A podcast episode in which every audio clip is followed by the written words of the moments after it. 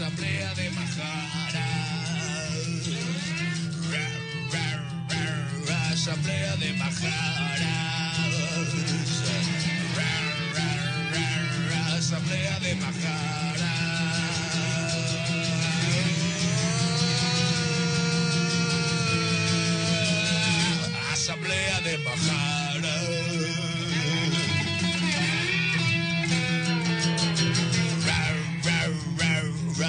Asamblea de Majaras. Ra, ra, ra, ra, Asamblea de Majaras. Ra, ra, ra, ra, Asamblea de Majaras.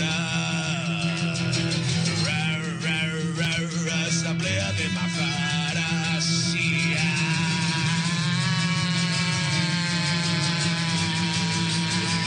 Asamblea de Majaras.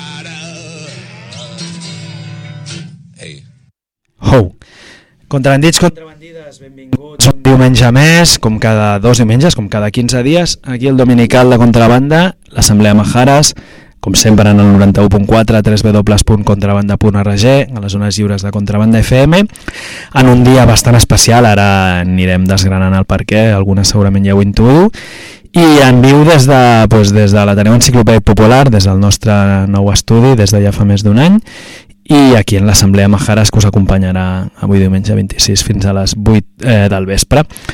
Està un servidor Ernesto Chemajara, avui del trio Majara, o ara mateix ja del duo Majara pues, en solitari, però no estic sol aquí a l'estudi de contrabanda, com hem anunciat per xarxes, estic ben acompanyat.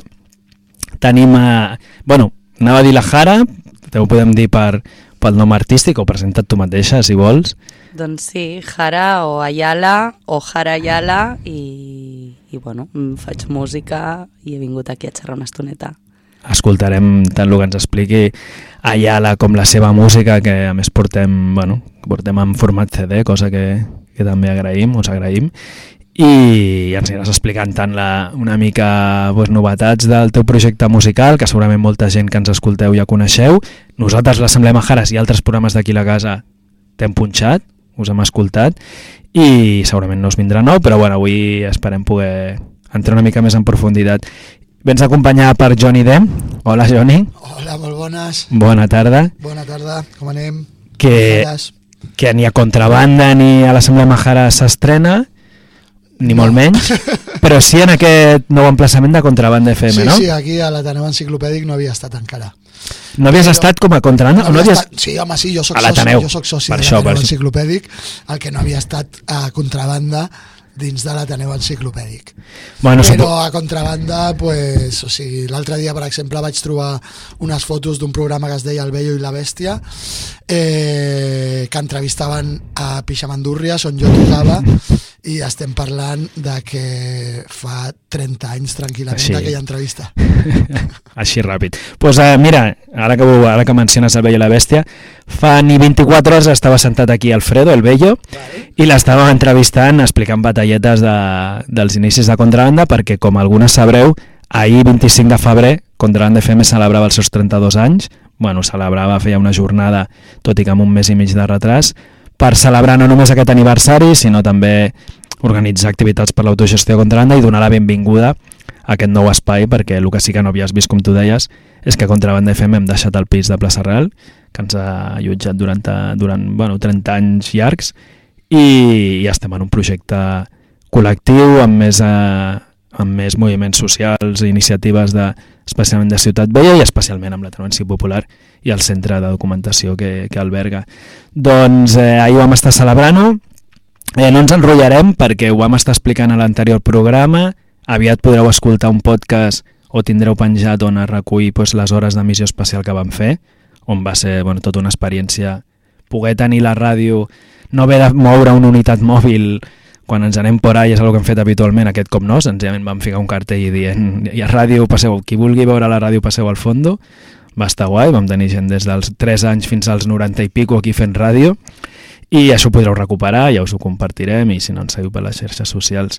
Aquí només per part dels Majares agraïm molt pues, tant la Enciclopèdic Popular donar-nos pues, acollida en, en l'espai per fer aquesta jornada, el col·lectiu d'agitació musical La Capsa Pandora des de Baicarca que, que van col·laborar en l'organització i la producció sobretot de musical i la gestió del so i després sobretot a la, pues, artistes que van voler col·laborar l'Uri Spaghetti, un espectacle Clown i Màgia i els concerts que vam tenir la tarda amb la gent de, del Maravelí a la Marta Deles i el seu flamenc que ara escoltarem i que vam tenir fa dues setmanes i podeu recuperar en el nostre podcast majares.contrabanda.org i la gent de Cuerva amb el seu rock d'autor. Doncs això, felicitats eh, a tota la gent que ha format part dels 32 anys de contrabanda, també a la gent que desgraciadament pues, ja no hi és, ahir vam poder recordar algun d'ells, i a la gent que vau poder participar i col·laborar amb aquest projecte venint ahir. Doncs us deixem escoltant una miqueta la Marta Delas, que va ser pues, qui va posar el toc flamenco, demostrant també fent una mostra de que Contrabanda FM també en l'apartat musical pues, és una, un projecte eclèctic cosa que d'eclecticisme o, de, o de diversitat musical en parlarem avui. Vinga, Marta Delas, la podeu seguir per, per xarxes, a Instagram o a Twitter i us recomanem molt pues, el seu particular flamenco.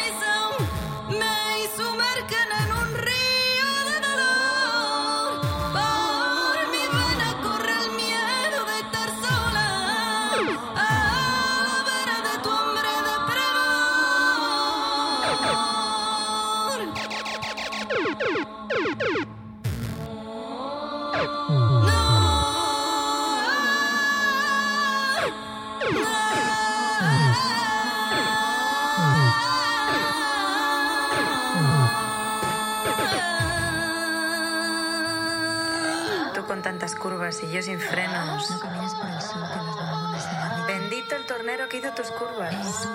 Que hace una estrella volando tan bajo. tus ojos, morena. Aquestes Martadeles, que va tocar, va ser la segona banda, la segona actuació que va actuar, la podeu seguir, com dèiem, per xarxes, i aquesta cançó pues, és una cançó que va produir, va crear en primícia per a aquest concert d'ahir dissabte dia 25, que es diu Piropo, si escolteu la lletra entendreu el per què.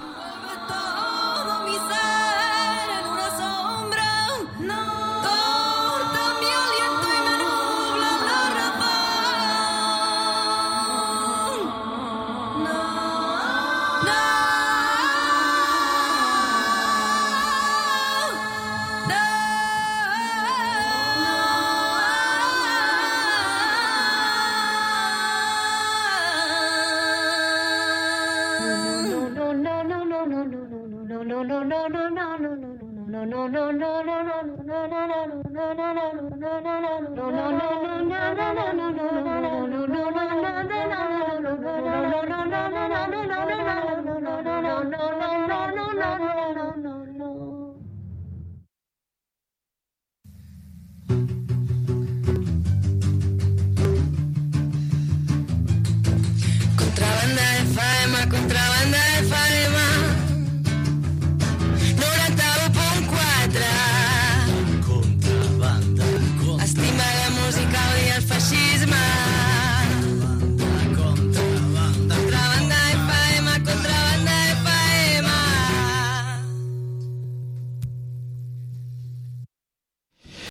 contrabandits, contrabandides, aquesta cunya que hem aixecat bastant els darrers temps era del duo Cuerva, gent afincada a Terrassa, però bueno, que diguem d'alguna manera és, és eh, itinerant des de diferents llocs de, de la península amb la seva música que ha anat des de, des de la pandèmia.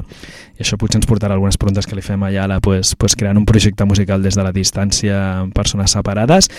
I, i bueno, va ser qui va tancar aquesta vetllada d'ahir del 32è aniversari juntament en el moment inevitable de la visita de la Guàrdia Urbana. Però bueno, tot i això molt contentes, el que hem dit eh, agrair tota la gent que vingués i esperem que a poc a poc també pugueu veure els resultats de, dels calarons que vam, que vam poder recaptar per millorar una mica les condicions tècniques de, de l'estudi que tenim aquí a la, a la Enciclopèdia Popular. Eh, també una mica d'informació pràctica, com sabeu ens podeu seguir per xarxes, també aquest programa l'Assemblea Majares en concret ens trobeu al Twitter, tenim un mail de contacte que és assembleamajares.gmail.com i aprofitem per saludar les ràdios germanes que ens estan, escolt... bueno, que ens estan difonent i que punxen aquest programa. En el País Valencià tenim a Ràdio Mistalera a la Xaradènia, tenim a Ràdio Malva des dels barris marítims de València i tenim a Ràdio Activa des de les valls del Baida i l'Alcullà i la gent de Ràdio Trama de Sabadell.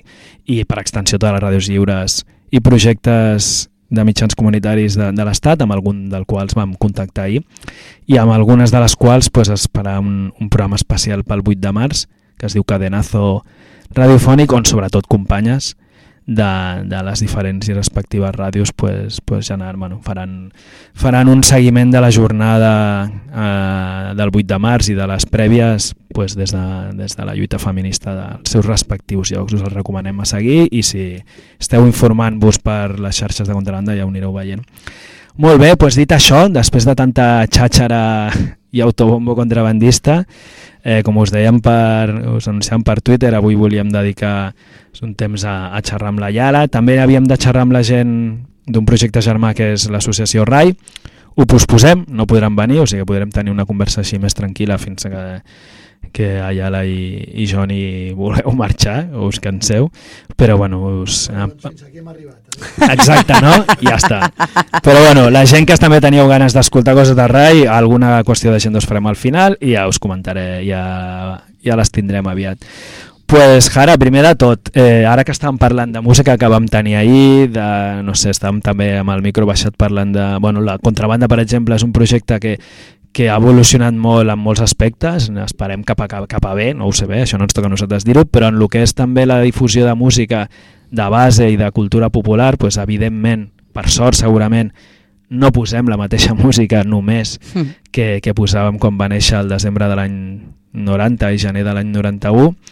Llavors, en aquest sentit, també la primera pregunta que, que se'ns ocorria és, és una mica quin, quina música has, has mamat, i, i des d'on, pues, des de quins estils o motivació musical et neix el, el fer el teu propi projecte musical que és Ayala? Sigui, jo el contacte amb la música l'he tingut tota la vida i, i recordo els dos primers CDs que, que m'encantaven, que igual tenia, jo que sé, 3 o 4 anys, no sé quina edat tenia, era molt petita, eh, que era el Rei León, que són temes d'Elton John, no? I, i un CD de Bob Marley and the Wailers. I al final, pues jo què sé, eh, la meva evolució com a persona, eh, a la preadolescència escoltava rock, glam rock, pop rock, eh, jo sé, molts tipus de rock, el rock and roll també, en plan Elvis Presley m'encantava, em segueix agradant. Eh, després vaig tenir bastants anys d'estar escoltant jazz, també estava en una escola de música, estava en un combo de jazz, llavors pues, cantava jazz, m'encantava. Eh, I d'allà, pues, òbviament, com que m'agradava el rock i m'agradava el jazz, pues, eh, vaig anar per al blues i, i del blues al soul, l'R&B, tot això, i al final pues, jo crec que és en les músiques que em sento com més còmode cantant perquè també és el que porto cantant tota la vida, però al final quan vaig començar a escriure temes propis, perquè primer anàvem una banda de versions, amb una guitarra, una trompeta i per baretos fent, fent bolos, vermuts i tal, eh, quan vaig començar a fer temes propis, mm, el primer tema que vaig fer públic eh, era un tema de trap. Vull dir que al final eh, m'agrada tot i jo que sé, també vaig començar a escoltar hip-hop quan era preadolescent i és una música que m'ha acompanyat tota la vida, igual que les músiques electròniques. Llavors, clar, jo escolto depèn de com em sento, o depèn del dia que tinc, o depèn del moment del dia, mm, puc escoltar músiques superdistants i superdiferents, que realment no ho són tant, vale? Clar, però que en el fons s'interconnecten, no? Sí, sí, però que igual gent que escolti un tipus de música no escoltarà l'altre, a mi m'és una mica igual, o sigui, no, tothom escolta diversos estils musicals, jo crec, no? No és que t'agrada el rock només escoltes rock, jo crec que algú més escoltes, no? Però, però bueno, que, que dintre de la meva vida sempre hi ha hagut moltíssima varietat musical. Ahir precisament teníem aquí molta gent que, que just després s'anava a un concert a, a la sala que ara està en boga, no? que tenim de veïna, que és la sala Paral·lel, paral·lel i anaven a veure la que era la Oz i, i amb alguna gent pues, també debatíem, no? o ens, ens explicaven no? també en, en el seu cas pues, pues, també el, bueno, el, el, el concepte o la revisió o, el, o el, no sé, la repassada que li fa el flamenco eh, barrejat amb, amb altres estils de música pues, més Clar. urbana o alguna No sé si, sabent que, que potser és des d'un altre gènere, però tu també eh, t'ubiques en això, en la, en la Bueno, barreja clar. o en les músiques urbanes o Totalment, però negres. és que igualment el, jo sempre he dit que el flamenc és el, o sigui, el, el blues als Estats Units és aquí el flamenc. És exactament el mateix. Una altra música són diferents, sí, com, òbviament, no? Però jo crec que com, com de, de base és el mateix a nivell emocional, social o com vulguis dir-ho, saps? Que és una música que ve eh, de, de poblacions que han estat més mm, apartades o més eh, mm, criminalitzades o, bueno, no sé, no em surt la paraula ara, llavors començo a dir... Sí, criminalitzades, Vale? Eh, llavors Totalment. ve de, de, silenciades. Clar, exactament, això era, gràcies. eh, venen de, de llocs molt diferents socialment, però realment el motiu emocional és una mica... O sigui, el que mou emocionalment d'aquestes músiques és el mateix. I jo què sé, jo quan era petita ballava, feia ballet, feia flamenc, vull dir que jo també el flamenc no el canto perquè no... canto blues, ¿vale? és mi excusa, canto blues, no canto flamenco. Però mira, però... dos músiques que es canten des de les Clar, entranyes. Sí, és algo que tu no? has de sentir, vale, sí, no, no, no sóc negra, òbviament, eh, no he nascut al Mississippi ni he nascut a... Vale? Però a mi és la música que em mou i és el que a mi em surt cantar. Em flipa el flamenc, per què? Bueno, ja et dic, jo ballava flamenc clàssic i tocava les castanyoles i tota la història. Eh, em flipa, em flipa la gent que sí que, que canta, per exemple, flamenc no només canta, jo que sé, un guitarrista o qui sigui, no? Però parlo de la veu, que és el que a mi em mou al final. Eh, I jo crec que és algo que, òbviament que ho pots aprendre, però que t'ha de sortir molt de dins. És algo que va molt com a les venes. Clar, dins de tot el que suposa aquestes influències, eh, no només a nivell potser de contingut musical, eh? no sé si també d'ac- d'actitud o de missatge. Sí, i visualment també. Clar, i- ara anirem a això també, però anava a preguntar, una de les primeres cançons que van punxar teves als Maharas, eh, i aquí miro també el Johnny perquè em, em, ens remet a una, a una altra època, és la versió que feies, o que no sé en què la toques, de Draps Bruts, que és una banda pues, que aquí contra l'han ha sonat Clar. i eh, almenys als Maharas pues, ens ha agradat i en part ens ha agradat o ens agrada per lo que consideràvem que, que, que la, la, la part d'originalitat que també posava en, en, en cert moment històric on potser cert tipus Total. de música anava cap a una línia més potser més, més no volem dir uniforme, però bueno, l'originalitat aquesta que posava. Llavors no sé també per, no, des de l'escena més local de Barcelona, de Catalunya, podem ficar dins l'underground la, la música alternativa, també a les mamà, tens influències d'aquí? Clar, total, vull dir, jo el disc de les Draps l'escoltava quan era petita i a més era divertit perquè, jo que sé, hi ha alguna paraulota no, en algun tema i jo pues, la repetia en bucle quan era petita a casa no feia tanta gràcia, igual. Eh, però... El que però, té el que, la, la, la música en la teva llengua, no? Clar. El que és en anglès, que clar, queda dissimulat. Exacte. Eh, llavors, clar, jo en el, quan vaig fer el primer disc vaig versionar un tema de la Kinky Beat, que per mi també havia sigut pues, un referent important, eh, i quan vaig fer el segon disc vaig dir, vale, vull seguir amb aquesta línia, no? de que a cada disc hi hagi com a mínim una referència com a homenatge o tribut o com vulguis dir-li de les coses que a mi m'han inspirat i del per què jo estic fent música avui en dia no? que crec que és molt important. Llavors, eh, pel segon disc, eh, vaig decidir ficar un tema de les draps perquè també havia representat molt per mi. Molt bé, escolta, estem parlant ara ja de discos. Eh, si us sembla, jo us proposo, perquè també la gent es vagi fent una idea i sobretot t'escolti cantant també, escoltar ja un tema del, de l'últim àlbum que ens has portat i així de pas, a part de presentar el tema, si vols eh, pues destacar algú, algun titular d'aquest nou, nou àlbum que no has fet en solitari, ara entrarem en ello, i després d'escoltar-lo ja ens expliques més detalls Super. de l'àlbum. Genial. Doncs quin, quin tema has escollit per començar? Aquest tema es diu Take a Deep Breath i és un tema que vam treure molt abans de que sortís aquest àlbum. Molt bé. Pues venga, escoltem Ayala, El Tornado, con de.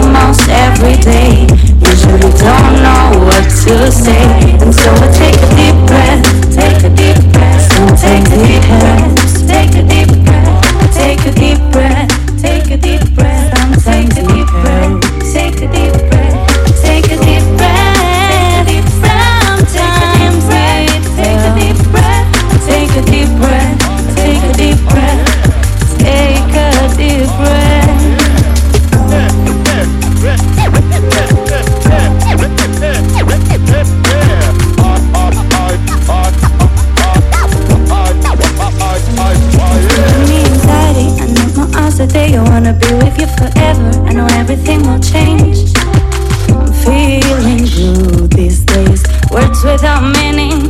You say talking to empty minds, empty conversations. Don't know what's going on.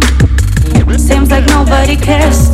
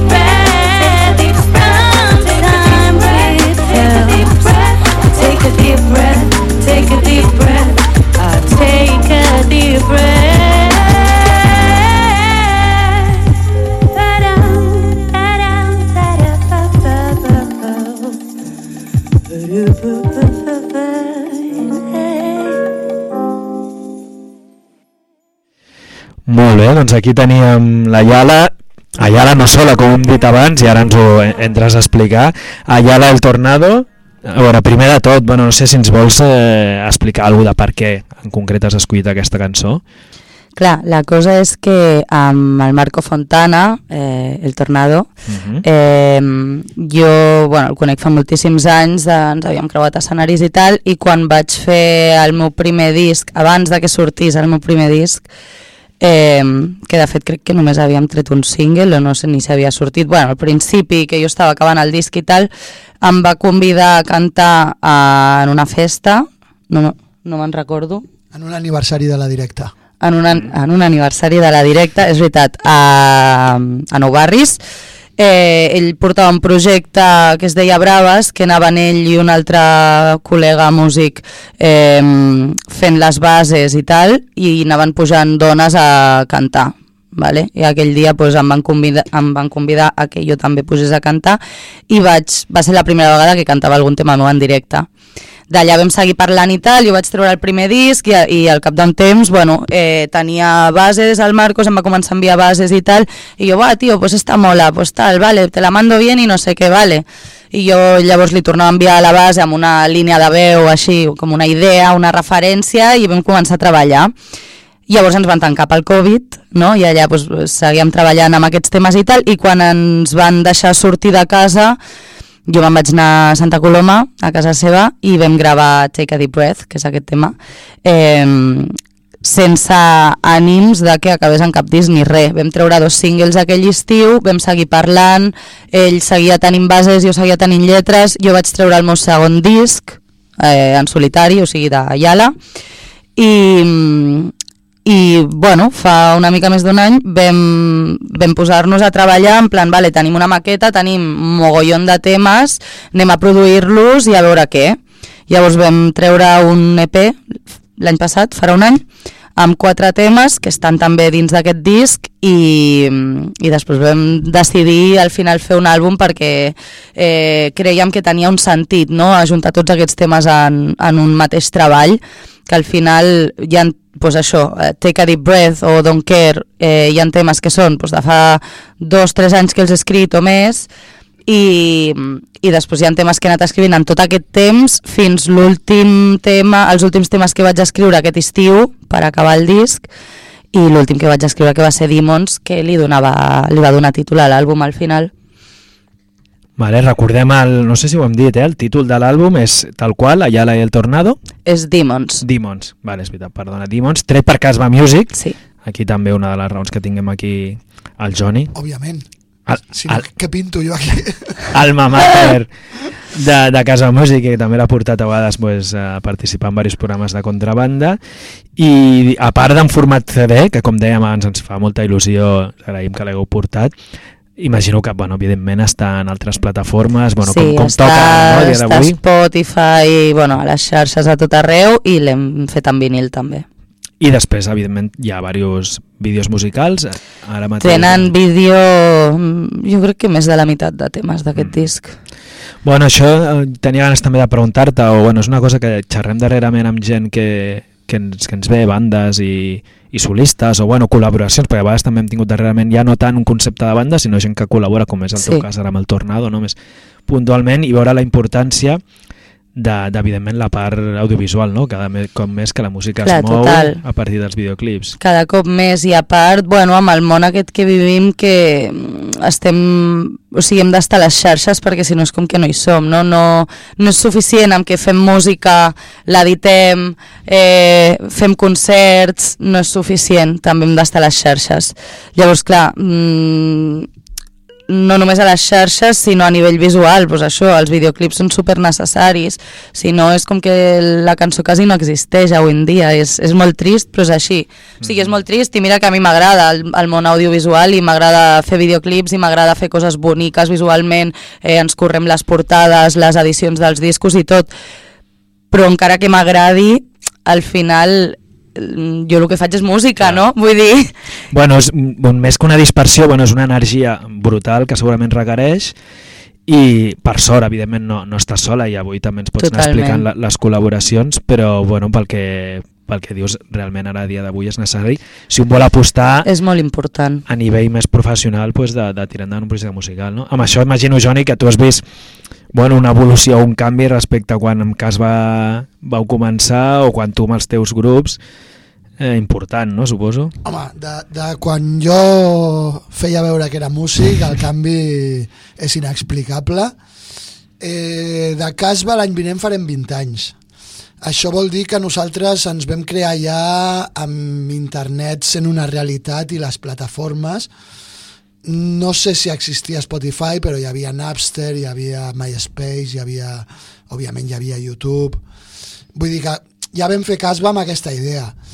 El que, el que no teníem ni idea era tot el tema de xarxes socials, que des del meu punt de vista personal és una desgràcia, però és una realitat i llavors t'hi has de fer, vull dir, a Casba Music com deia, farem 20 anys l'any vinent i crec que hem fet moltes coses bé, però també sé que hi ha coses que les fem fatal i una d'elles és portar les xarxes socials però bueno, venim d'un altre món, d'un altre segle i és el que hi ha. Bueno, el debat de que és una desgràcia allò de les xarxes també és bastant extens, no? Perquè és una, jo, jo estic d'acord en que és una desgràcia en moltes coses, però al final eh, fa 30 anys tu treies un tema i perquè l'escoltessin a l'altra punta del món mm, havies de fer bastantes coses realment. És una infraestructura Clar. que no tothom es podia permetre, Clar, potser, no? clar. I avui en dia jo trec un tema i perquè l'escoltin a l'altra punta del món eh, l'escolten a la mateixa, en el mateix moment que l'escolten aquí a Barcelona no? llavors dius, vale, és una desgràcia hi ha coses bones o sea, no tot és blanco i no tot és negro no? sempre hi ha una part bona i una part dolenta és veritat que eh, a nivell social les xarxes socials són una cagada vale? per dir-ho d'una manera així senzill eh, per què? perquè realment es perden moltes coses però guanyem altres com aquesta per exemple Clar, clar, però jo no parlava de, de la distribució digital, parlava exclusivament de les xarxes socials. sí, però les xarxes socials jo- permeten Ca- Cas Bas que s'escoltin els temes també, depèn de com Sí, Bueno, és un dels canals de difusió òbviament, principals, però no? ja tenim, vull dir, això que has dit tu, que et permet fer, et permeten fer les xarxes socials de que en el moment que surt una cançó gravada a Barcelona, feta per un artista de Barcelona, amb un segell de Barcelona, es publica a Barcelona i en el mateix moment es publica a l'altra punta del món, òbviament això és cert, però això sense xarxes socials també existiria a través de Spotify, de YouTube, de Sí, sí, iTunes, etc etc. Jo em referia que per la meva edat, que ja sóc una mica gran, doncs les xarxes socials doncs, eh, em tiren una mica enrere. però també, o sigui, també a, a, hi, ha, hi ha una comunicació entre, jo que ara parlo d'artistes, però és que pot ser un futbolista, un dentista o més igual, no? Eh, hi ha una comunicació directa entre la persona i la, la gent a la que li està parlant, no? Que en aquest cas, bueno, pues pel, pel món artístic eh, fàcil, no? Perquè els artistes tota l'estona volem dir coses, llavors allà tens tota la gent que et vol escoltar, llavors és com senzill, no?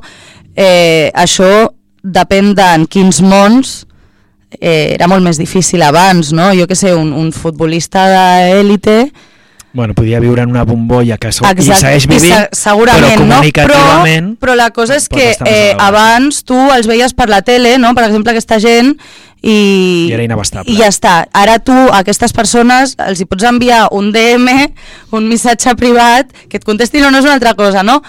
Però que hi ha una comunicació superdirecta que abans no hi era tant. Sí, t'enviaven una carta, però a veure, bueno, Sí, sí. jo què sé.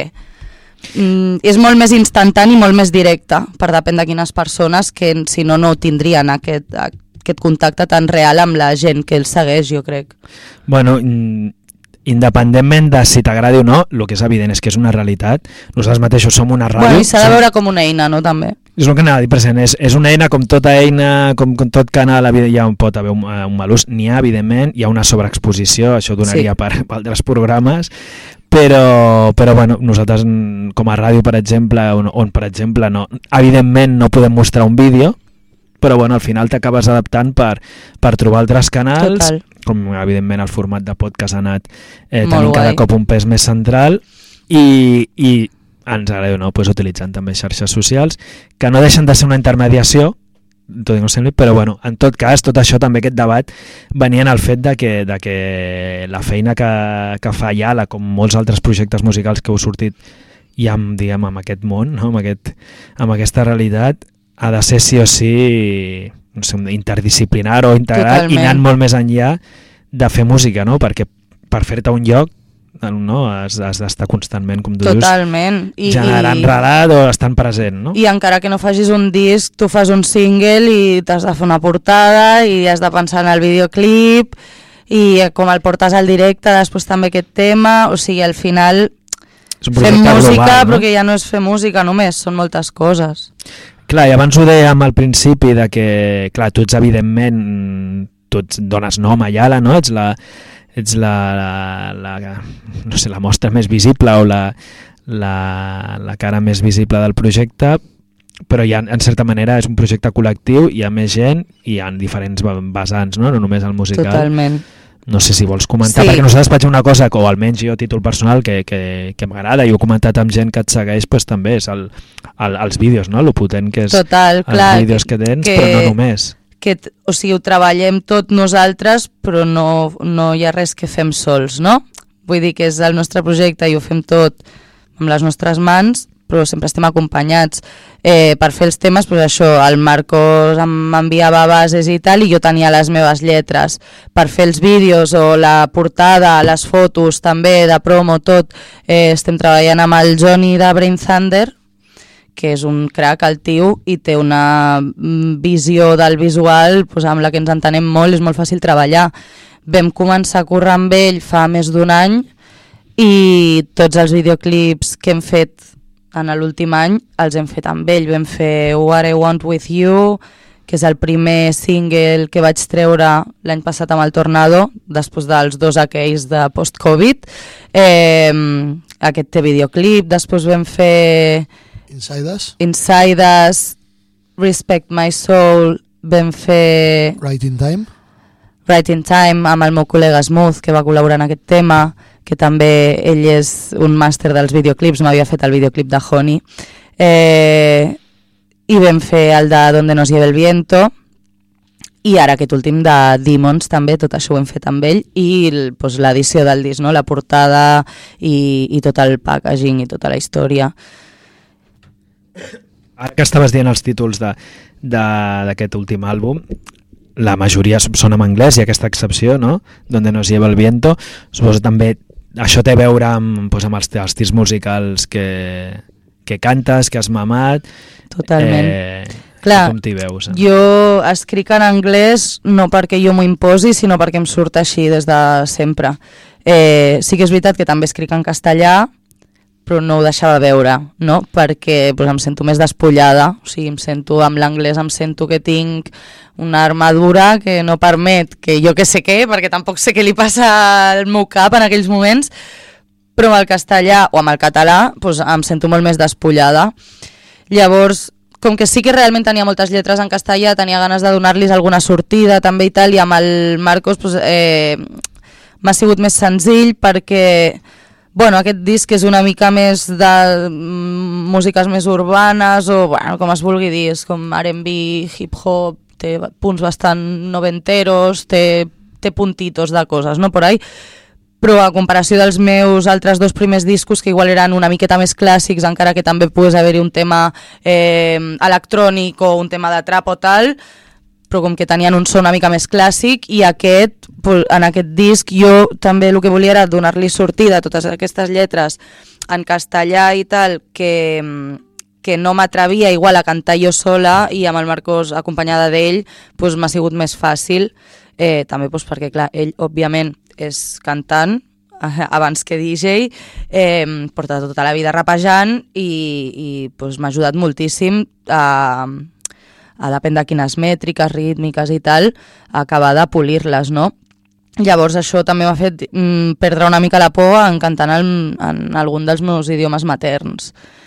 Eh, I vam fer Donde nos lleve el viento, que, que era un, bueno, va ser una proposta que vam fer així en un moment, eh, estàvem acabant el disc, també és de l'últim que vaig escriure l'any passat a l'estiu, eh, i el Marcos em va enviar una prova amb una base que no tenia res a veure a lo que és ara la base del tema, eh, mira tía que tengo esta base no sé qué y me he escrito esto, si te apetece nos hacemos un tema tal y m'envia pues, el seu tros rapejat i jo, guau, tío, mola, no sé què, vale, dame una setmana, te, te lo mando de vuelta. Em vaig escriure alguna així i al final pues, va quedar aquest tema que és, mm, teníem ganes de fer alguna amb una mica de ritmes més llatins, igual, o com vulgui dir-se, però no deixem de rapejar en aquesta base tampoc, no? Llavors jo crec que és com una declaració d'intencions. Bueno, ara que explicaves no, aquesta manera de, de crear o de co-crear d'ara, bueno, això també és un, un canvi, no? Perquè els, Total, els, que hem clar. crescut amb el format banda, no? T'has d'ajuntar ahí al garatge Total, no? I, a i, tocar. I en aquest disc el Marcos també eh, ha volgut treballar, bueno, és algo que havíem parlat moltíssimes vegades, tenim molts punts en comú musicalment, no? Ens agrada la música negra, el funk, el soul, el blues, l'R&B, eh, ens agrada la música electrònica, des del techno al house o el que sea, no? Llavors, eh, hi havia algú màgic en aquestes bases també de dir anem a deixar de fer com estàvem fent fins ara, de trucar col·legues músics o tocar nosaltres el que toquem i fer una base amb, amb instruments orgànics tocats no? i gravat i tal, i anem a fer una mica com es feien abans les coses, anem a samplejar mestres nostres, no?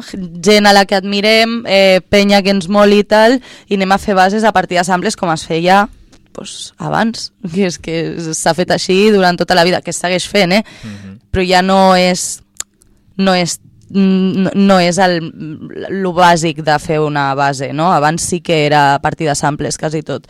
Llavors, eh, aquest disc té moltíssims samples de un munt de penya i, i d'artistes que ens molen i, i era pues, això, no? de dir, vale, samplegem coses, però en comptes de per fer només hip-hop, sí, hip-hop sí, però con esto y esto y esto y esto y lo otro, no? En plan, tot el que ens agrada, per què no? Abans de tornar a punxar un tema de Demons, eh, voleu avançar, vols avançar alguna informació d'algun concert? Ens prenem perquè vas fent moltes dates, no? tenim ara el 18 de març, que estarem al Jamboree, eh, no sé si a les 10, 11 de la nit. 11 de la nit. I, bueno, estan les entrades, estan superbaratetes ara, 6 euros anticipada i 8 a taquilla. així que que s'animi la penya que ens ho passarem molt bé. Ja has actuat abans al Jamboree? Vam estar fa un any, bueno, no sé si fa un any, però més o menys... Eh, Amb el Tornado. Amb el Tornado, però clar, no teníem el disc sencer. Havíem tret dos o tres singles i tocàvem temes meus antics, també dels altres discos i així. Llavors ara, eh, bueno, aquest disc el vam presentar fa una miqueta més d'un mes al Mercat Cultural de Vallvidrera, al meu barri, que és l'antic mercat que abans era mercat de... Jo no va comprar amb ma mare la verdura i el que fes falta, I ara és un centre... i ara és un centre cultural i- molt sí, sí. guai, que estan fent coses molt xules. Sí. Um, al març, bueno, han muntat un març feminista i el dia 31 faig una xerrada també allà al mercat sobre les dones a la indústria de la música i tal. El 31 de març? De març. O... Vale, 31 de Sí. març. I, i bueno, farem aquesta xerrada que també si algú vol venir superconvidades totes però, mm, però això vam presentar eh, el disc en si ja eh, vam fer Mercat de Música Viva de Vic al setembre però no havia sortit encara. Llavors la presentació oficial la vam fer allà al Mercat fa Oh, sí. poc més d'un mes.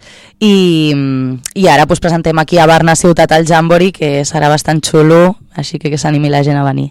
Bueno, la primera, o sigui, el primer lloc on vas presentar va ser el teu barri, el teu poble, podríem dir, i el primera data a Barcelona, tot i que Vallvidrera... És Barcelona també, però en bueno, debat de si ho és o no. Centre, Eh, ho feu no un lloc qualsevol, sinó el Jamboree, que, que és una sala que ens encanta, òbviament és segurament la referència o ha estat en la música negra urbana a la ciutat, Totalment. no? I antics ve- vecinos, vecines nuestras. Pues quin, quin tema voldria seguir escoltant que punxéssim Doncs de podem escoltar, si voleu, Donde nos lleve el viento, que així sentirem també el jefe Marco Fontana rapejant una estoneta. Molt bé, doncs som-hi. Recordeu que això és l'Assemblea Majares, en 91.4 i a www.contrabanda.org. Mm, a veure si no ens falla el lector.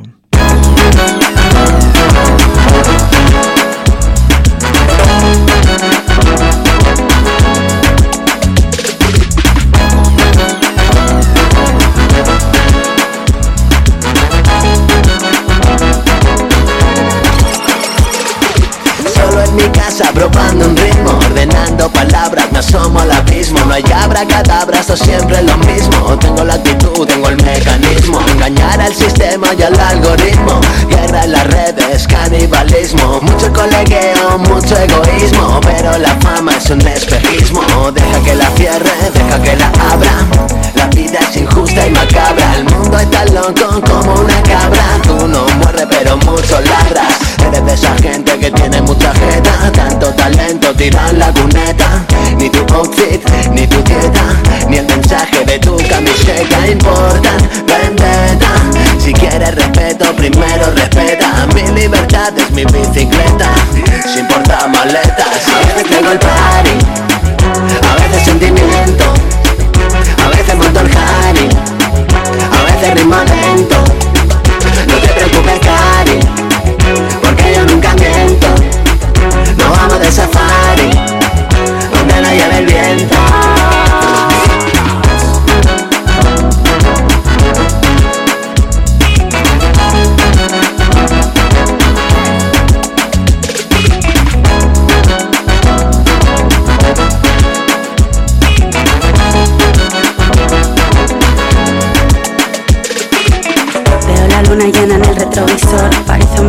tallado por el mejor escultor es de noche y la ciudad está iluminada. Hace tiempo que he vuelto a disfrutar como cuando era nana. Noches de fiesta, calle y alcohol, amor, calor, dolores vivo y ver salir el sol. Quiero tus besos, ponme otro vaso, dame más hielo y cien mil abrazos. No tengo miedo si está a mi lado, si me abraza como el cielo al mar salado.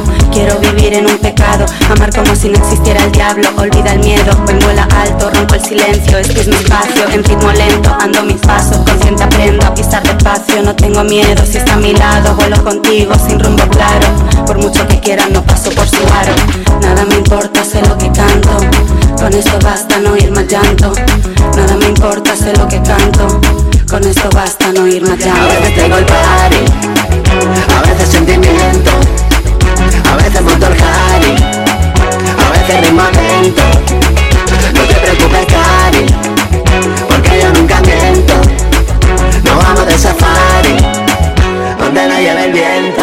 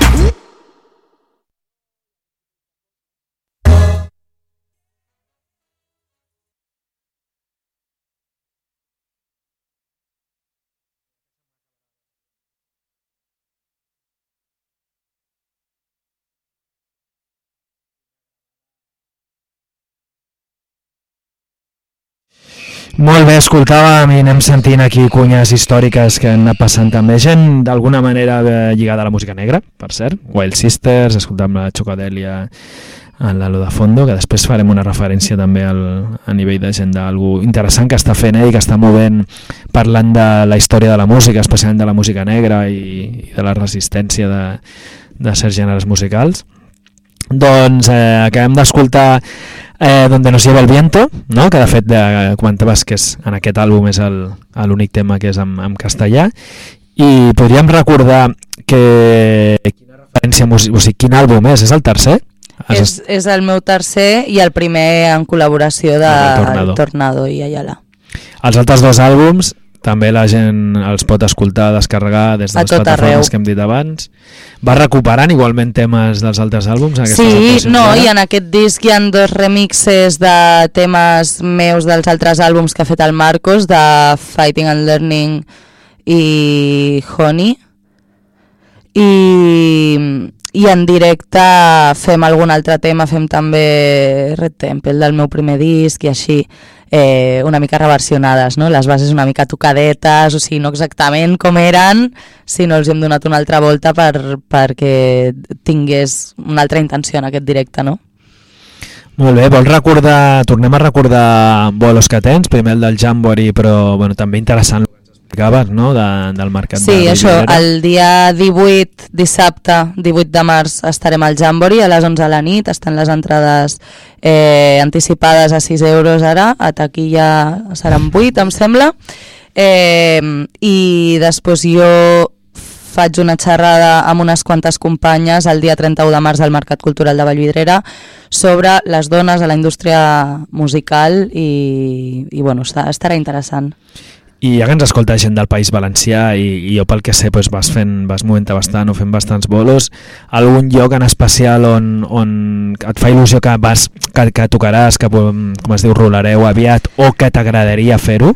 Clar, no tinc dates encara, però sí que tenim moltes ganes pues, de, bueno, de tornar a Madrid, per exemple, que aquest projecte encara no l'hem presentat, amb la banda nova. Eh, ens encantaria poder mm, moure'ns per... Eh, bueno, per tota la península una mica, no? Pues, cinema a València estaríem super contentes si poguéssim també tornar al País Basc, seria molt bonic. Eh, a on ens portin, no? Com diu el tema, donde nos lleve el viento, nosaltres anirem a fer música. A Euskadi has tocat, no? Has actuat sí, hem llavors. estat unes quantes vegades, molt, molt guai, dels millors públics. Sí, eh? bueno, Sí. ja es diu això, no? On haurien d'anar és a la mistalera. També, Mira, seria molt guai. Que tu ja la coneixes bé, no? Coneixes bé com a Un lloc ben maco. Ràdio La Mistalera també. Bueno, pues, pues mira, ja que ens punxen allà, pues mira, si ens escolta gent d'allà i, i bueno, és tot un circuit també el del País Valencià, no? El de Llevant. Ojalá que nos lleve el viento. Uh -huh. Escolta, abans de- d'anar tancant l'entrevista i escoltar el, el tercer i darrer tema que, que escoltarem teu avui, no sé, m'agradaria també saber, bueno, ja que hem estat xerrant més enllà del, del teu projecte musical, pues d'això, tant d'influències que, que et van portar no? a, a parir el projecte d'Ayala, pues de, bueno, recomanacions o què estàs què et ve de gust ara recomanar o escoltar ara perquè segurament pues, eh, pot ser Moltíssimes diferent del que vas fer coses. abans, no? Del que Moltes abans. coses. Mira, eh, bueno, m'encanta el tema que ha tret la Miley Cyrus, me lo escucho vuelta y vuelta. eh, hi ha una tia que fa hip-hop, eh, em sembla que és de Nebraska, no sé on resideix ara mateix, eh, però bueno, està allà als Estats Units, que es diu Queen Herbie, i la tia eh, rapeja que t'hi cagues, però que a part ve de- d'estudiar de, jazz, llavors canta com un àngel, és com Ella Fitzgerald reencarnada en el cuerpo de otra i que encima rapea. Eh, després hi ha un tio que és eh, del Regne Unit, no sé ara mateix dir-te d'on exactament, que es diu James Vickery i que fa pues, R&B d'aquest anglès magnífic, preciós de tota la vida, que té una veu que és un àngel i ha tret un disc fa molt poquet, és un xaval super jove també, és magnífic, de lo millor que, que hi ha ara mateix, jo crec.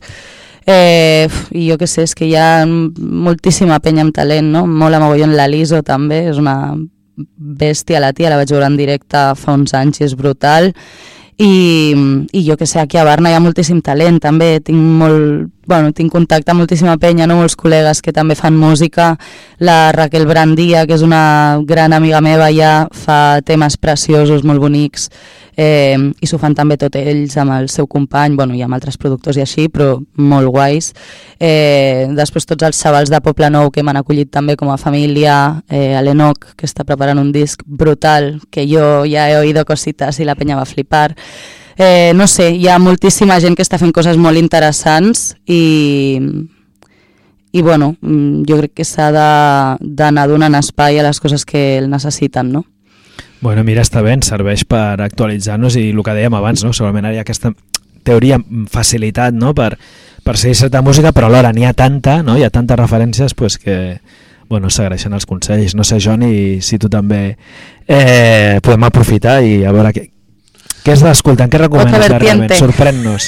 No, jo no, no, no estic escoltant gaire, gaire música nova. O alguna novetat també de Casba o alguna que, et- que et vingui de gust, aprofitem, ja que et eh, o tenim sigui, aquí. Casba, ara mateix estem en un semestre gairebé sabàtic, cosa que no ens havia passat mai a la vida en 19 anys. O sigui, nosaltres, eh, Casba, en el moment àlgid, diguéssim àlgid, per parlar de números exclusivament, perquè anímicament segur, segurament no era moment àlgid, però en el moment àlgid vam arribar a publicar 11 discos en un any, i des de fa uns quants anys Déu-n'hi-do. estem publicant 5-6 discos a l'any, que és el nostre equilibri brutal que ens ha donat l'experiència de dir, vale, això és el que hem de fer, 5 o 6 discos cada any, O sigui, l'equilibri per fer-ho bé, segurament per, Per tot el que dèiem, no? de moure-ho... i per no... Eh, o sigui, perquè la feina no se'ns mengi, per poder viure la vida, per treballar per viure i no viure per treballar, no? Gran repte. E- Efectivament. Vull dir, s'ha de pensar que Casba és una empresa familiar, que som dos persones. I llavors, eh, jo estic orgullosíssim del que hem fet a Casba en aquests 19 anys. Però el cas és que eh, estem gairebé al març, aquest any no hem publicat res i fins al maig no publicarem res, vol dir que quatre mesos sense publicar res, això no havia passat mai a la vida. Però això també té eh, una cosa bona i és que ens està permetent preparar tot el que vindrà l'any vinent Perquè no serà un any qualsevol, no? perquè l'any vinent fem 20 anys de Casba Music I llavors ja podem anunciar que estem preparant una col·lecció espectacular de vinils, entre 8 i 10 vinils que publicarem l'any vinent, eh, que són molt especials per l'Amparo i per mi. Que alguns, bastant, bastants, tenen a veure amb aquests darrers 19 anys de Casba, però alguns no. Alguns són simplement que tenen a veure eh, amb les nostres vides anteriors. Bueno, amb el que heu mamat o pro- participat eh, anteriorment a Casba, a- no? a- a- aba- abans de Que són 20 anys de Casba, però són uns quants més de, lligats a la 20 anys de música, no? Casba, Més 20 anys d'abans de Casba. Llavors, 22 en el meu cas. Llavors, clar, eh, són molts anys i estem preparant una cosa molt xula que, que és una col·lecció molt completa de vinils que sabem que, que, que la gent, com a mínim, com l'Amparo i com jo, gaudirà. Val? Perquè a nivell musical i a nivell sentimental tindran molt de valor. I ens, ens està costant força, eh? perquè és una feina de, de buscar, de localitzar, de... Aviat tindrem més notícies, podrem fer coses públiques. Bueno, segurament aquí ens en farem ressò, com altres programes germans que, que són molt fans de, en general de tot el que heu anat fent Casba Music i on, com dèiem, pues, el, Johnny és, el Johnny és bastant habitual. Mira, jo ja que per, per comentar coses que on sé que també heu tingut algun, algú a veure, si no m'equivoco, i que lliga amb, amb, pues amb, amb el que hem estat parlant al principi, no? el llegat de la música negra, de l'internacionalisme musical de coses, ara em feia pensar en, eh, no fa molt pues, eh, lle- em llegia el Black is Belza, no? la, en el meu cas la primera, vaig retrasat de primera. Cada cosa al seu Això. temps. I, bueno, no sé, també si vols comentar en quin punt està el projecte, que és un exemple més de projecte multidisciplinar, que ara està no, amb el film d'animació sí, movent-se a tope. eh, La veritat és que així a nivell general eh, la situació del cine és molt molt complicada.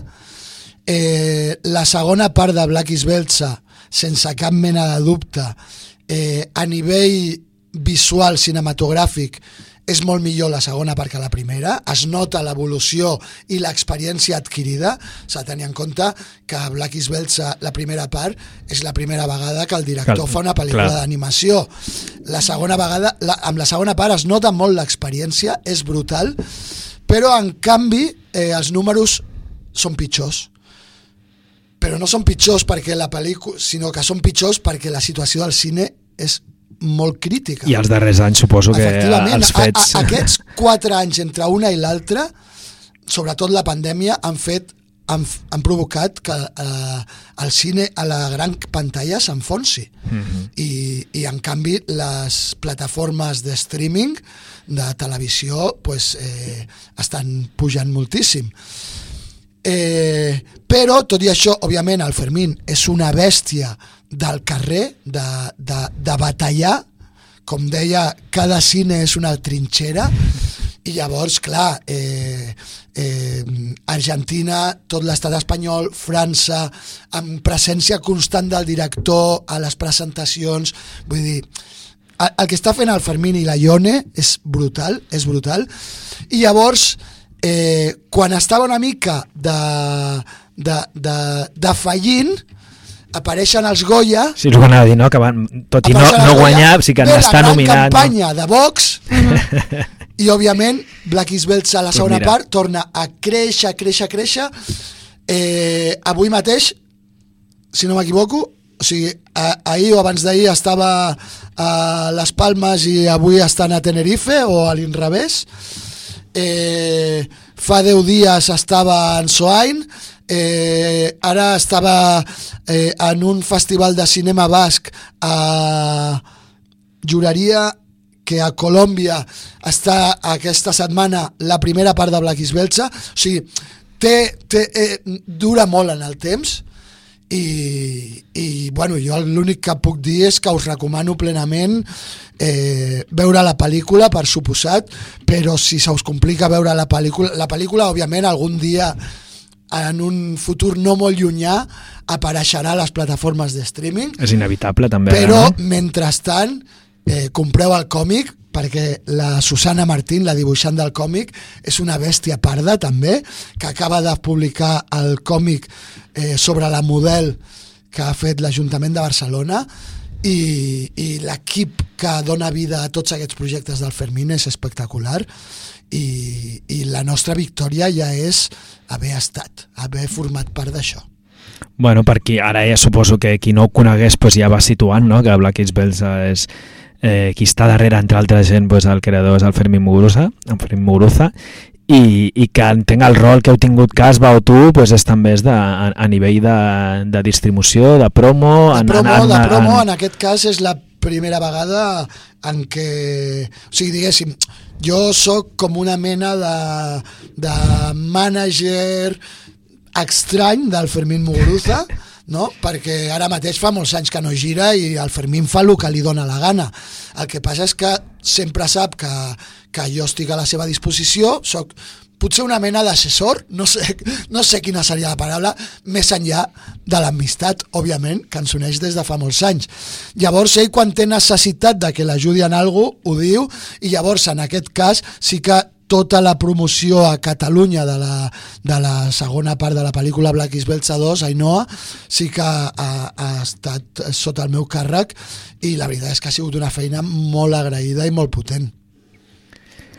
Molt bé, doncs escolteu, eh, a- aprofito per dir coses que jo crec que tenen a veure amb, amb una mica conversa que hem tingut, no? que jo crec que, que, que ha estat molt interessant escoltar-vos i, i també escoltar pues, a, a la Yala, no? que al final és una altra generació, que estàs eh, ahí creant música a tope i movent-la pues, amb, amb tots aquests fronts que hem dit que ara mateix és necessari fer per, per tirar endavant en el món musical i parlàvem de referències pues, entorn, per exemple, a la música negra, al, a la cultura de base i a mi em feia gràcia, ho hem dit abans, que, que per exemple algú que ha estat també habitual en aquest programa, com és el, el Lalo López, està fent un cicle de xerrades eh, bastant xules, almenys eh, a priori, no, des dels títols, i que crec que tenen a veure amb coses que hem dit avui, i us recomanem la següent, que es fa el dia 15 de, de març, es fa en un espai, un centre cívic que és a Can Castelló, a- al districte de Sarre Sant Gervasi, i porta per títol Disco i Hip Hop, la conquesta del mainstream, 1974-1990, pues que parla, va seguint no, l'evolució en, en, aquest, eh, en el llarg de la història, Que en guai. aquesta xerrada, en aquest període, prou agitat, no? de la meitat dels 70 i dels 80, Ja de, d'aquests estils musicals especialment pues, en, a la població afroamericana. Que això ens lliga amb un, amb un llibre que vam comentar al seu moment. Fa diversos programes que us recomanem que és Músiques contra el poder, canció popular i política en el siglo XX de, eh, recopilat per Valentín Ladrero i tret per Oveja Negra que, que de fet també ve a, a explicar i xerrar pues, de tota aquesta efervescència musical lligada pues, a la lluita de, de, del poble afroamericà com després altres capítols d'altres Valentín Ladrero, que fa mm, 20 anys es dedicava a fer recopilacions en CD, que segurament tu recordes que es deien Radical Mestizo. Ah, sí, eh? El Home, i tant. el Valentín Lo- Ladrero era el que no havia fet era el, el link. Era el recopilador de Radical Mestizo. pues mira, ja, ja sabia que algú ens podries dir, Joni. pues, escolteu, eh, amb quina cançó us ve de gust o et ve de gust?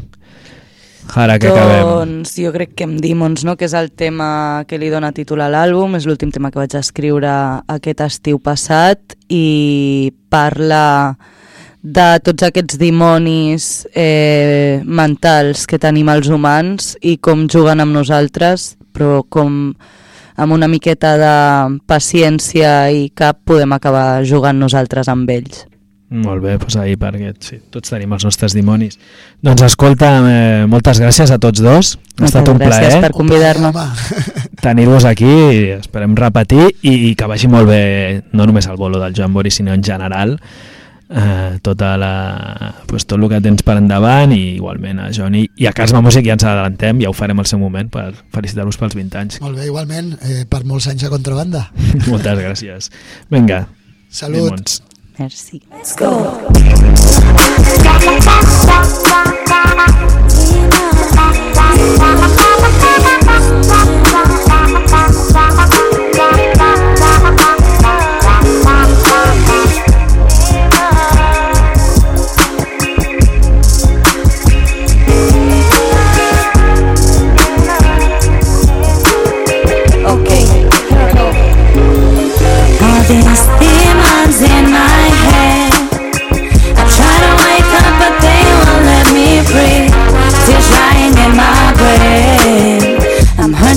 Taste someday. Feels like the devil's playing games on my mind. Feels like this nightmare's never gonna end. It's like I can't breathe, but there's no air to live, and I'm just trying to stay alive in here with all my demons.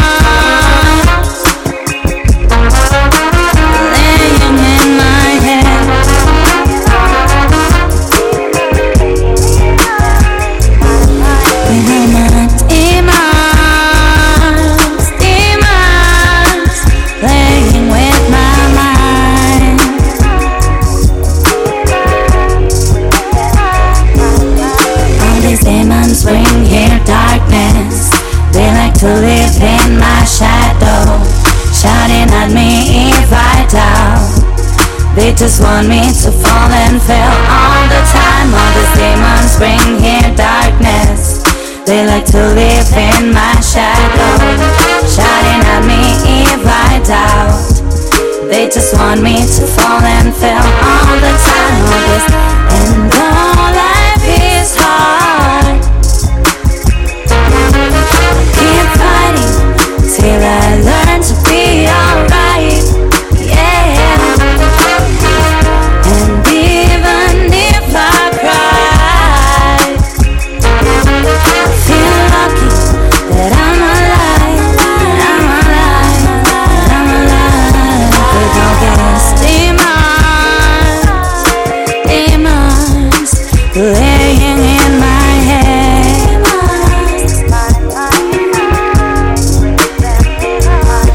With all my demons, demons playing with my mind.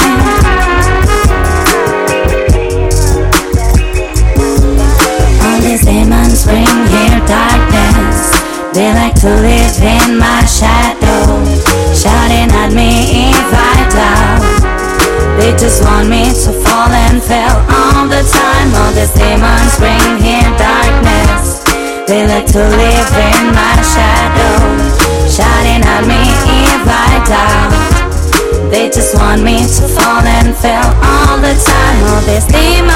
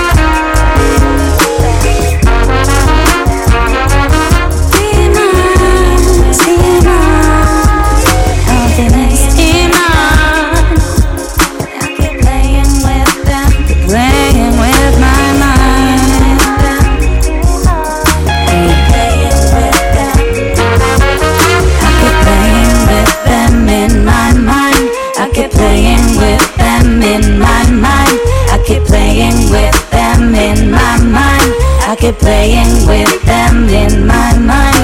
I keep playing with them in my mind. I keep playing with them in my mind.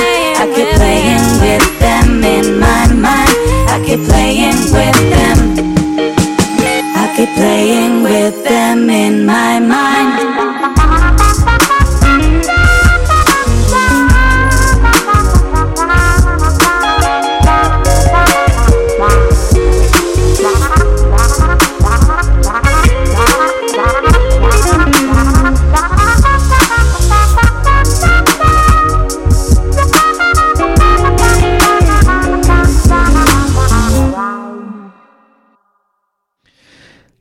Era Ayala, que hem tingut la sort de, de tenir-la aquí acompanyada del Johnny D i l'estem escoltant des del disc Demons amb El Tornado. I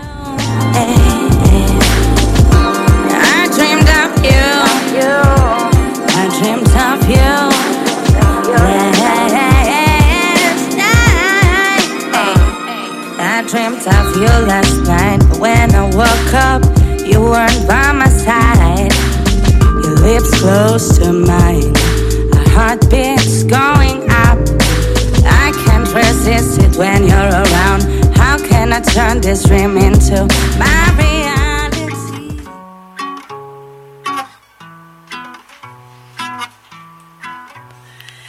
You give voice to the radio. Is that yes in axis? You're my way. And you give voice, you're my radio. Wake me and sing on me. Bueno, contrabandits, contrabandides. Ara escoltàvem, recuperàvem una cunya també històrica de contrabanda del programa germà Història Sinen Histèria Sinensis, precisament programa molt lligat a la difusió de la música negra, de la música urbana, que és amb el que estem, hem estat xerrant amb Ayala, amb la Jara i amb, i amb el Johnny, i, i que vam tenir pues, el, el gust i la sort que ens visitessin ahir en la festa de 32 aniversari del, del dissabte 25 de, de febrer que com us recordàvem abans eh, vam, podreu escoltar en part en, en el podcast que, que penjarem aviat, que podreu recuperar o a la web contrabanda.org o a podcast.contrabanda.org. I bueno, anirem fent-vos una miqueta d'agenda. Primer de tot començarem explicant sobretot el que ens havien d'explicar les altres invitades que volíem tenir avui, que és el, un altre aniversari, el 30è aniversari en aquest cas de l'associació RAI, una associació de la qual aquí hem parlat molts cops, és un, un projecte germà contra Banda FM i a l'Assemblea de Majares i que ara pues, també celebra 30 anys, ahir és nada, i començarà a arrencar les celebracions d'aquesta eh, onomàstica tan rodona al Camp Masdeu el proper diumenge dia 5 amb un pic, amb, una, amb el format aquest de, de jornada multidisciplinari de festa que es fan els diumenges allà a la vall de Camp Masdeu, al camí de Sant Llàtzer 12 i ho farà a, com, com és un, amb una mostra de rai, no? com és la, la realitat d'aquest espai del casc antic que és eh, ensenyant diferents pues, espectacles, artistes de diferents disciplines, pues, mostrant el seu art i, i la seva, el seu duende. Això començarà des de les 12 del migdia amb tallers en dos llocs en paral·lel. En l'espai d'Homo pues, hi haurà taller de tuerc i a partir de les 12 i mitja exploració escènica amb garganta abierta i en paral·lel a l'espai interior hi haurà a les 12 capoeira i a les 13 a la 1 contact. Aquella mateixa hora, ja, aquella mateixa hora en el pati del Pic a l'espai pues, habitual on es serveix el menjar pues, tindreu un cantautor folk que és Fulvio Tuli i a les 14 hores la paella popular vegana que és la manera que pues, també podreu tenir de col·laborar amb aquest projecte. I a partir d'aquella hora, en paral·lel a que hi hagi la paella, començarà el, el Gran Cabaret de Rai, que és un format bastant habitual en aquest col·lectiu, amb Andreia Moreira, que és una clown, Xus Molina amb la seva música i humor i cansautores que faran impro musical i teatre i la companyia Mau Teatre amb el seu teatre d'objectes. Després es presentarà la campanya crowdfunding que és una que esperem que ens vinguin a explicar quan ja estigui arrencada per, per precisament també il·lustrar una mica aquest 30 aniversari de RAI i que arrencarà segurament aquell moment. I després a les 4 i mitja la banda que escoltarem ara, que és Fanfarrai, que, que ve ser la banda de música balcànica resident a, allà a Rai. Després seguiran a les 5 i mitja amb la banda Bandanga, l'altra banda resident d'allà més aviat de, de batucada, per acabar amb un habitual de molts festejos de col·lectius mm, culturals i, i polítics de la ciutat que és el DJ Lotine amb la seva música afro i latina per acabar amb l'animació d'una rueda salsera. Si voleu seguir pues, l'actualitat de Rai podeu seguir per xarxes o pels hashtags Rai Vive i la cultura sigue i tot això l'ho dit. El proper diumenge dia 5 de març, a partir de les 12 i fins a les 8 i mitja a Can Masdeu, que ja sabeu que està a prop del metro Canyella, si aneu en transport públic. Vinga, escoltarem una miqueta a la gent de Fanfarrai, la qual us recomanem veure especialment en directe, tot i que també podeu escoltar des del seu bancamp, que és d'on de les, des d'on les estem punxant ara. La cançó Kojak Grik. Kojak Sisik.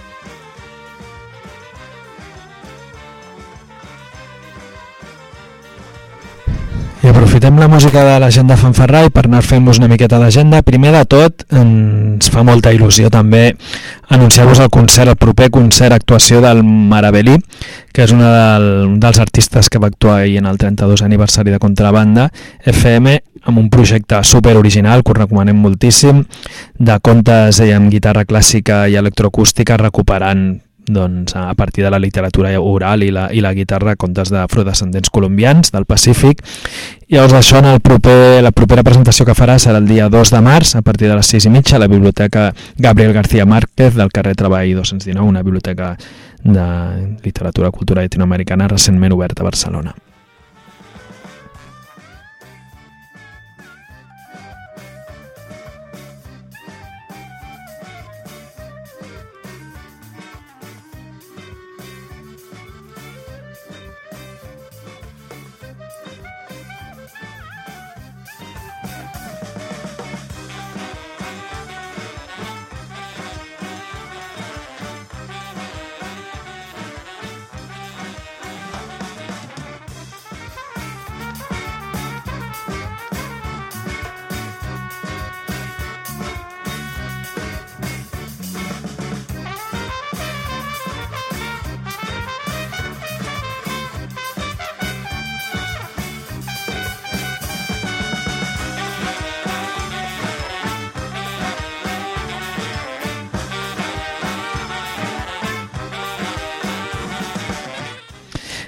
Evidentment també important i com fem sempre recomanar-vos, anunciar-vos les activitats que es faran a l'Ateneu Enciclopèdic Popular que ens acull a Contran FM, però també moltes altres iniciatives i col·lectius de Ciutat Vella.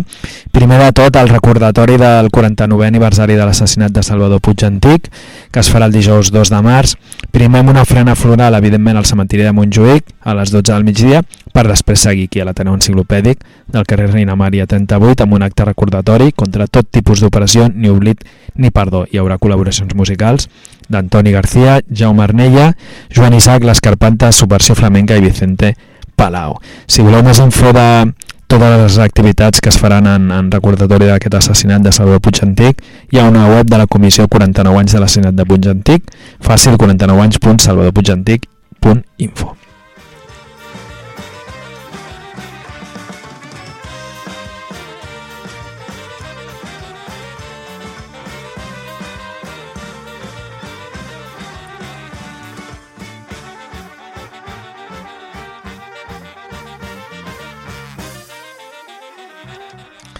I parlant de centenaris, bueno, d'aniversaris d'assassinats d'anarquistes, de, de llibertaris il·lustres, arriba el, el centenari de l'assassinat de Salvador Seguí, del noi del Sucre, ni més ni menys, que molt vinculat tant en, pues, en el barri del Raval com, com a l'Ateneu Enciclopèdic Popular. I l'Ateneu Enciclopèdic Popular evidentment celebrarà o farà algunes activitats a, a, al voltant d'aquest centenari concretament el dia 10 de març, divendres a les 7 de la tarda, amb una xerrada i debat entorn a la seva figura i la de Francesc Comas Perones a càrrec de Marc Dalmau, Ivan Miró i Miquel Valles. I l'endemà, el dissabte dia 11 de març a les 12 del migdia hi haurà una trobada al carrer Hospital als jardins de l'antic Hospital de Sant Pau i després un itinerari explicatiu resseguint una mica les, el, el periple de les darreres hores del noi del Sucre i de, i de Perones que van ser assassinats aquí en el barri. Tot això organitza l'atenció popular juntament amb Virus, la xarxa veïnal del Raval i el local.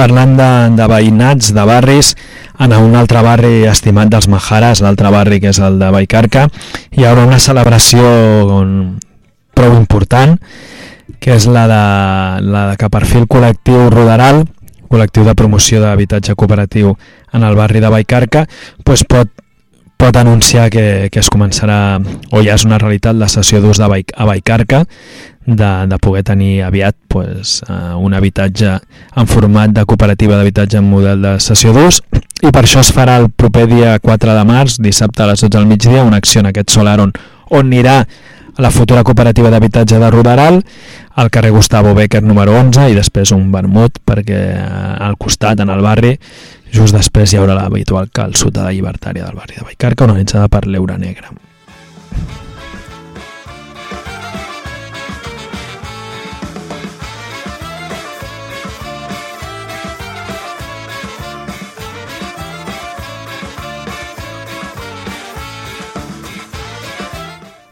Aquell mateix dia, el dissabte dia 4, hi ha una manifestació Defensem la Terra, construïm el futur. Serà a la plaça Catalunya a les 18 hores i des de diferents municipis i barris de, de Barcelona i de l'àrea metropolitana doncs, sortiran diferents columnes. Per exemple, el cas de la gent de Vila de Gràcia, que es quedarà al cinema comèdia a les 17.45, ja en el centre, i moltes, des de molts altres llocs, per exemple, el Prat de Llobregat, que estan, diguem, aixecats, aixecades contra l'ampliació de l'aeroport i molts altres municipis, doncs, eh, hi haurà convocatòries vàries per aquesta manifestació el dissabte 4 a les 18 hores. Defensem la terra, construïm el futur.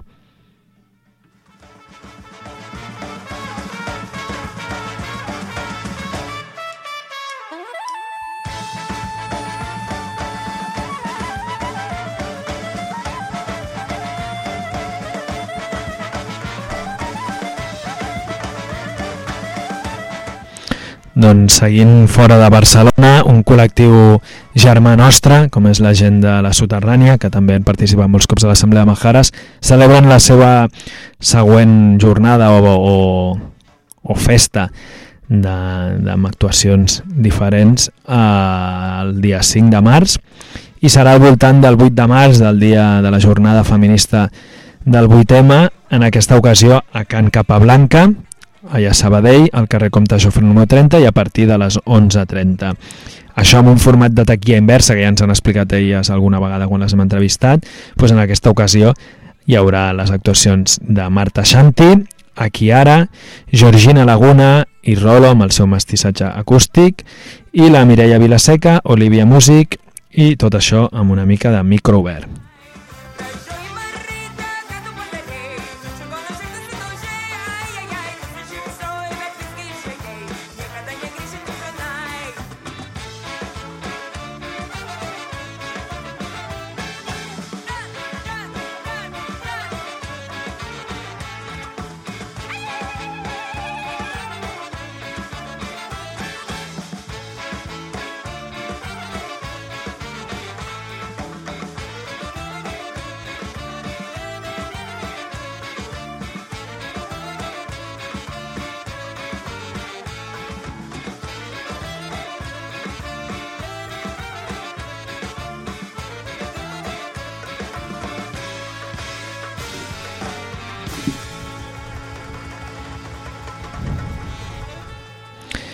I precisament al voltant del 8 de març, ho dèiem al principi del programa, hi haurà un munt, evidentment, d'activitats i des de Contrabanda FM esperem poder participar en el següent cadenazo radiofònico, en aquest cas el sisè, cadenazo, que són maratons que junten diferents ràdios lliures de l'estat espanyol i a vegades també de l'altra banda del Charco, i en aquesta ocasió pues, amb el lema esta vez feminista. Serà a l'11 de març, o sigui, després de, de la, del dia de la vaga feminista del 8 de març, el dissabte dia 11, i des de les 10 del matí i en principi també en funció del número de ràdios participants pues, segurament fins, fins a almenys mitja tarda. Hi haurà pues, les ràdios històriques com Irola i Ràtia o, o Radio Topo i altres ràdios eh, més recents amb les quals hem parlat. Els darrers temps com poden ser Radio Orgalla, Radio Espirit Trompa i esperem també contra l'ANDFM i també eh, certs podcasts o, o programes afins com pot ser l'agenda de Raïz projecte de Ràdio Lliure aquesta Granada i que ens van entrevistar fa poquet i que nosaltres també vam poder entrevistar en la programació especial que vam fer ahir en la celebració del 32è aniversari. Trotsky.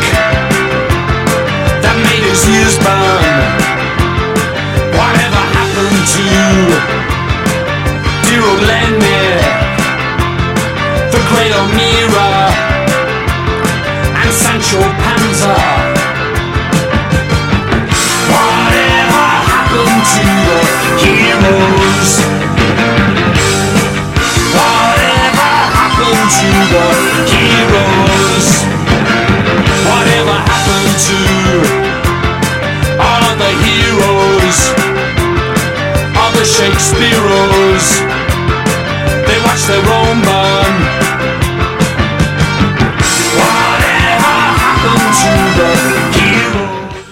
I ho, ho heu adivinat, són els Stranglers, i si no ho heu adivinat ja us ho diem nosaltres, uns clàssics del punk britànic, però ja no només del punk, des del 77 ahir donen guerra i que estaran a Barcelona. No sé si per primera ocasió, però sí que per molta gent, ara parlem amb Johnny Deere, almenys una oportunitat de veure un grup que forma part de la història de la música, ja no només de Gran Bretanya, sinó de tot el món. Els Stranglers, diumenge 5 de març, estaran a les 8 del vespre al Razmataz. I no podíem evitar posar una de les seves cançons més clàssiques, potser la més referencial per la onada punky, que de la qual després van allunyar No More Heroes, versionejada per molta gent.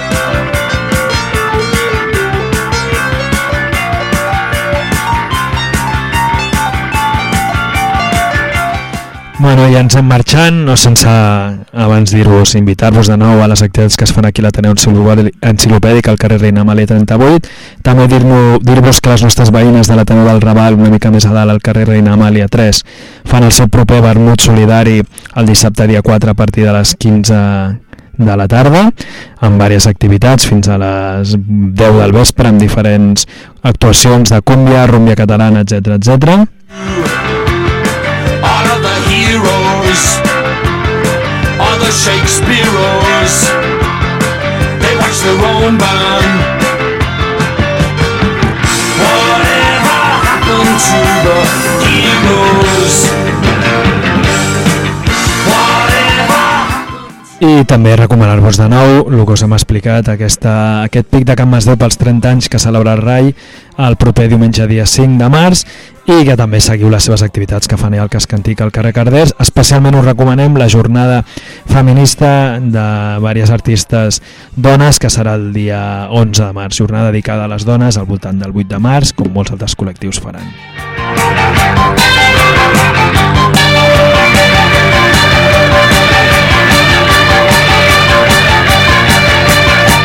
I abans anem